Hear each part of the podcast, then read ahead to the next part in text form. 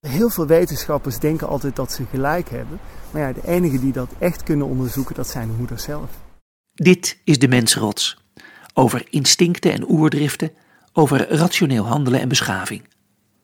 Ik ben Bas Westerweel en in deze podcastserie ga ik in gesprek met gedragsbioloog Patrick van Veen, die bij alles wat hij ziet, hoort en ruikt zich afvraagt: wat zijn we toch aan het doen hier op de mensrots? Er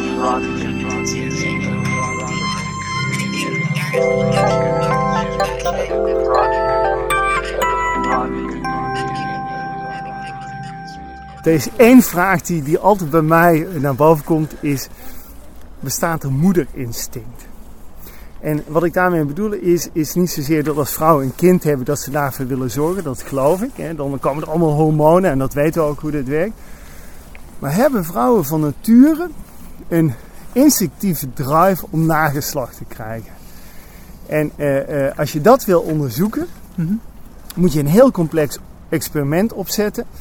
Uh, wat, wat ethisch niet zou kunnen, wat niet toe zou staan zijn, maar dat ik denk wel heel erg ja, bijzondere kijk zou geven op, op ja, hebben we nu eigenlijk gewoon een instinct om nageslacht te krijgen. En wat je daarvoor zou moeten doen, is dat je een groep baby's neemt, die isoleer je. Ja. En die laat je opgroeien uh, zonder dat ze kennis maken uh, met nou ja, moeders en kinderen. Er kunnen wel volwassenen omheen zitten die dan wel op een gegeven moment uh, ah, okay. ervoor zorgen. Maar, maar ze, ze, gaan nooit leren waar baby's vandaan komen. Ze gaan nooit leren beseffen van, hmm. nou ja, er is een moeder-kindrelatie of een vader-kindrelatie. En, en nou ja, zouden die kinderen dan op een gegeven moment van nature een soort instinct hebben om zelf nageslacht te Hmm. verwekken? Mijn hypothese is dat die kinderen uiteindelijk een soort van uh, uh, seksuele drive krijgen. Dus ze hebben wel een instinct om seks te hebben. Ja, ja daar komen uiteindelijk baby's vandaan. Ja. Maar niet het instinct om nageslacht te verwekken. En dat zijn twee hele verschillende dingen. Dus instinct om seksualiteit te ontwikkelen, om seks te hebben Ja. met een partner. Maar geen instinct om nageslacht te verwekken. Oké. Dat is mijn hypothese. Oh, Wauw, dit krijg je nooit voor elkaar. Ga je nooit voor elkaar krijgen. Nee, er is natuurlijk ooit een film gemaakt, Blue Lagoon. Ja. Eh, eh, nou, Ja, iets, ja. iets oudere luisteraars eh, weten dan waar ik het over heb. Hè. Twee, twee ja, kinderen, ja. jonge kinderen die op een eiland stranden, daar samen opgroeien, eh, seksualiteit ontdekken en dan totaal verwonderd zijn. Ik weet niet of je die scène nog... Daar komt een baby uit. Zo van, hé, hey, wacht even, er gebeurt ook nog iets. En dat is eigenlijk het experiment wat je, wat je wilt doen. Maar de kern van het experiment, ik zal het nooit voorstellen, ik ga het ook nooit uitvoeren. Nee, maar, maar goed. Maar Ja. wat wel heel interessant is, is natuurlijk de hele gedachte en, en, en de, de exercitie van eh, ja, wat zijn kinderen? Eh, hoe gaan wij met kinderen om? Wat zijn de gevoelens voor kinderen? Wat is moederinstinct? Ja. Dat zijn natuurlijk hele cruciale, hele biologische vragen. Hmm. Waar we allemaal een mening over hebben, maar eigenlijk niet he- heel goed weten hoe dat zit. En vergelijk hem nou eens met de dierenwereld dan. Want eh, is daar dan wel moederinstinct aanwezig? Als je dus, zo'n proef is gedaan, toch?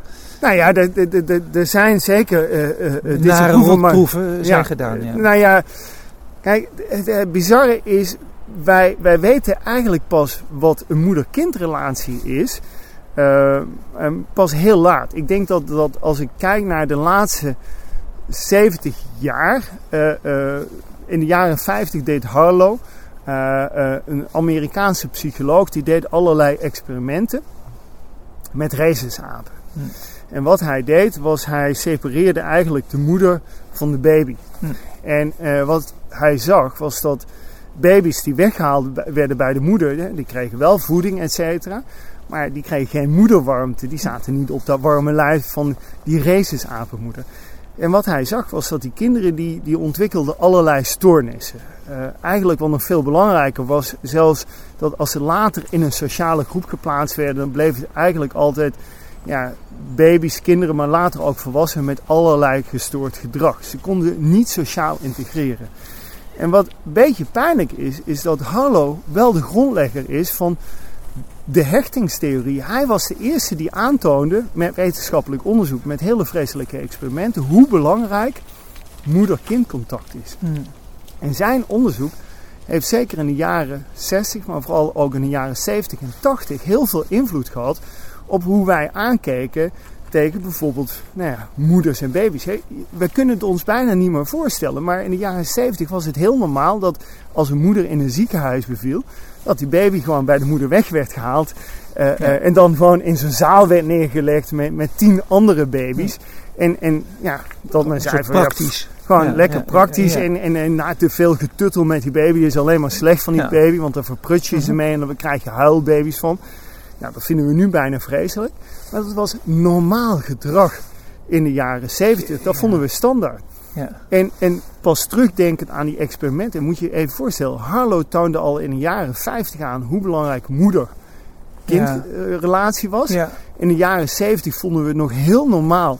Mijn generatie baby's eigenlijk, hè, die, om, om, om kind en moeder te separeren en alleen voor een flesje even moeder bij de kind te leggen. En voor de rest hè, was het gewoon heel praktisch als ze ook de nacht doorsliepen en zo. Hè, ik kan me nog herinneren dat mensen zeiden van ja, is zo fijn, een kind slaapt heel nacht door en kan hij lekker in zijn Ja, bedje blijven liggen. Ja, ik heb geen kinderen, maar het schijnt heel comfortabel te slapen dan als ze door Ja. kunnen slapen.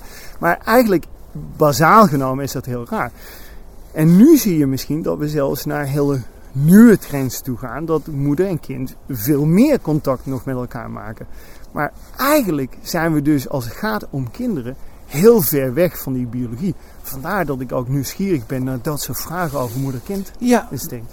nee, begrijp ik heel goed. Maar ik moet even zeggen, ja, het is waar dat kinderen en moeders nu misschien wat meer hechter zijn en families meer hechter zijn. Gek eigenlijk in de tijd van individualisering, als je dat weer Ja. bedenkt. Maar als je in een stedelijke omgeving woont, het eerste wat je gaat zoeken als je maar net eh, twee maanden zwanger bent, is de opvang voor je kind. Waar ze dan weer acht uur in een bedje gaan liggen, in de crash of weet ik veel wat. Dat is ook zo raar tegen natuurlijk, toch? Er staat zo haaks op dat gedachtegoed van toch die warmte tussen moeder en kind. Of Nou ja, het, het bizarre is dat, dat onze relatie eh, met kinderen en, en, en hoe we in de biologie zouden omgaan met kinderen, staat eigenlijk heel erg ver af van als je kijkt naar nou ja, wat in de natuur gebruikelijk is. Hè? Kind heel dicht bij je houden. Ja. Maar het, het staat ook heel erg haaks op wat wij maatschappelijk vinden. Hè? Want een moeder moet zich ontwikkelen, die, die, die moet uiteindelijk aan het werk gaan en moet eh, opleiding, weet ik wat allemaal. Hè? Dat staat allemaal heel erg haaks op Mhm. elkaar. Ik moet zeggen, dit- dit- hoe complex dat ook is. Ik, ik heb een collega gehad en zij eh, heeft onderzoek gedaan naar moeder-kindrelatie bij bonobo's. Dwergchimpansees ook wel eens genoemd. En eh, zij werkte bij ons in het bedrijf en, en toen zij haar eerste kind kreeg, haar dochter kreeg, toen bedacht zij tijdens de zwangerschap, eigenlijk wil ik mijn dochter opvoeden zoals ik dat ook heb gezien bij die bonobo's. En dat betekent gewoon een kind 24 uur dragen. Eh, een kind niet meer een flesje of in dit geval de borst geven eh, hoe het consultatiebureau dat voorschrijft. Nee, gewoon als een kind wil drinken, drinkt het. Ja. Precies zoals het ook bij chimpansees of bonobo's gebeurt. En ik kan je garanderen, dat is heel complex om dat te combineren met werk. Ja. Eh, eh, maar het is ook enorm zwaar. Ja. Eh, ik heb haar altijd enorm bewonderd, omdat zij, ja, ze droeg de baby continu. En dat betekent niet even een kind neerleggen om te slapen. Nee, je houdt het kind gewoon bij je. Dat doen chimpansees ook. Ja. En, en als jij slaapt, ja, dan slaapt een kind naast je, maar het slaapt wel altijd bij jou. Die, die fysieke warmte is altijd aanwezig. Hoe lang heeft ze het volgehouden? Nou ja, ze heeft het eh, eh, eh, heel lang volgehouden. En ze is namelijk daarna nog een keer zwanger geworden. Ik, ik heb wel eens af en toe stiekem aan haar gevraagd... Hoe, hoe, hoe ben je in hemelsnaam nog een keer zwanger geworden? Want je hebt dat andere kind Ja, ook ja, altijd bij. Nou, tussen die twee kinderen zit drie jaar. Ja. En ze heeft dat eigenlijk ook gewoon drie jaar volgehouden. En met de tweede heeft ze het eigenlijk exact hetzelfde weer En is het een hechtere relatie, eh, hechte relatie geworden? Weet je dat? Ja, het is een hechte relatie geworden. Maar wat ik ook heel mooi vond... Want, eh, zij Maar hechter dan andere relaties? Dat, is een moeilijke, Dat moeilijke vraag. niet. Ik heb dat nooit kunnen Nee. vergelijken. En het grappige is, toen, toen zij er middenin zat en zit er eigenlijk nog steeds in, hebben we ook gezegd, we gaan er samen een boek over schrijven. Dus ze heeft daar heel veel aantekeningen Mhm. over bijgehouden. Alleen, het is letterlijk zo zwaar dat dat bijna onmogelijk is. Hè. Je kunt daar bijna geen werk naast combineren. Uh, want je hebt wel normale huishoudelijke taken te Hmm. gaan. Hè? Je, je wil ook nog bepaalde sociale dingen doen. Maar wat ik wel heel erg mooi vind, want zij woont in Engeland. En, en zeker in de, in de beginjaren, ja, zij zag mij niet uh, dagelijks, zeker niet wekelijks. Maar ik kwam dan één keer in de twee, drie maanden voorbij. En wat ik altijd heel mooi aan haar dochter vond, was een heel open kind. Wat ook niet uh, uh, nou ja, eenkennig was, alleen maar bij moeder wou zijn. Heel open ook naar vreemde mensen toe. Dus een beetje in tegenstelling tot wat ik verwacht had. Het kind was gewoon heel open. En, en ja, sommige psychologen zeggen dan, ja, maar het kind is zo veilig gehecht dat het zich ook continu veilig voelt naar die buitenwereld toe. En het is natuurlijk wel een heel interessant experiment. Overigens gaat ze nu een stap verder. Hè, want ze zegt, nou ja, maar dan gaat eigenlijk het kind naar school. Hè, want op dit moment is dochterlief in de leerplichtleeftijd. Uh, ze is nu met home education begonnen. Wow. Dus dat gaat nog een fase verder. Nou, Ja. in, in die zin, ik vind het een heel bijzonder experiment. Ja. Uh, zij ziet het inmiddels natuurlijk heel anders. Misschien begon ze wel als een soort experiment vanuit, ze is wetenschapper, een echte hardcore wetenschapper. Uh, uh, ze is denk ik ook vanuit die insteek begonnen, maar inmiddels is er natuurlijk veel verder ontwikkeld. Maar wat ik dus wel heel boeiend vind is als je dan terugdenkt waar we begonnen. Harlow, hè, die dan vertelt mensen, hè, pak dat kind vast. Ja. Hè, want als je dat niet doet, krijg je gestoorde kinderen. Mhm. Toonde hij aan met racesapen.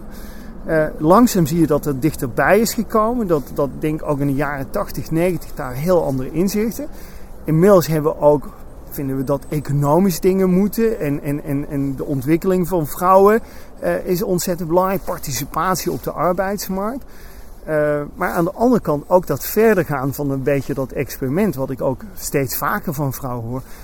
Wat natuurlijk ontzettend complex is. Zijn we er als maatschappij ook wel klaar voor dat die moeder-kindrelatie zo intens is? En waar moet die vader dan opeens ook nog? Want dat is ook nog wel heel ja, ja, ja. interessant in deze discussie. Ja. Waar moet die Maar- vader?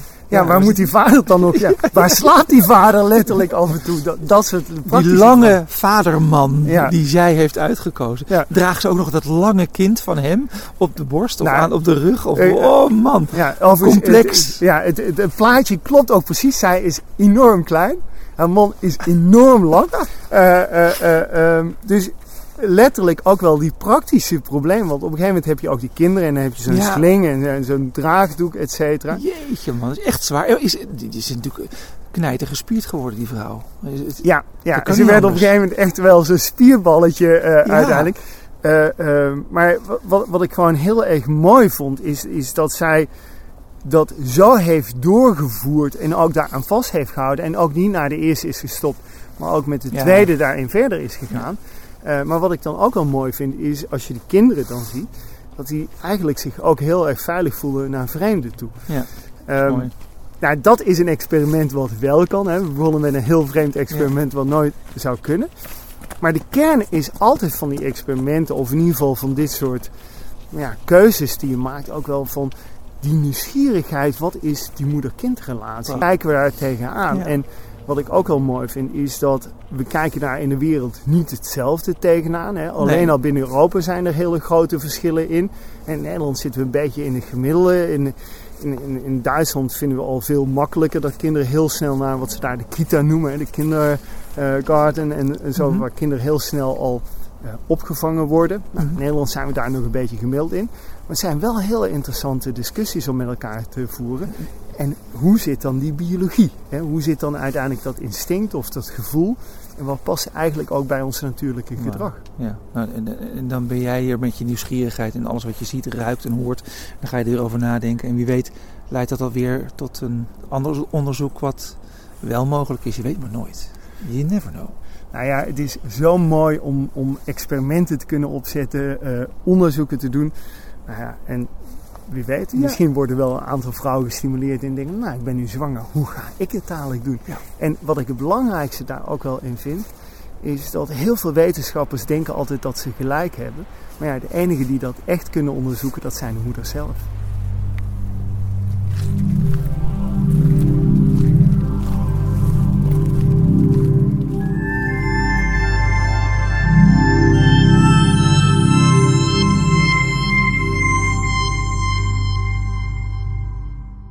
Dit was De Mensenrots, Abonneer je nu op deze podcast via Spotify, iTunes of jouw favoriete podcastplatform en ontvang elke week een nieuwe aflevering vol vergezichten en hersenspinsels.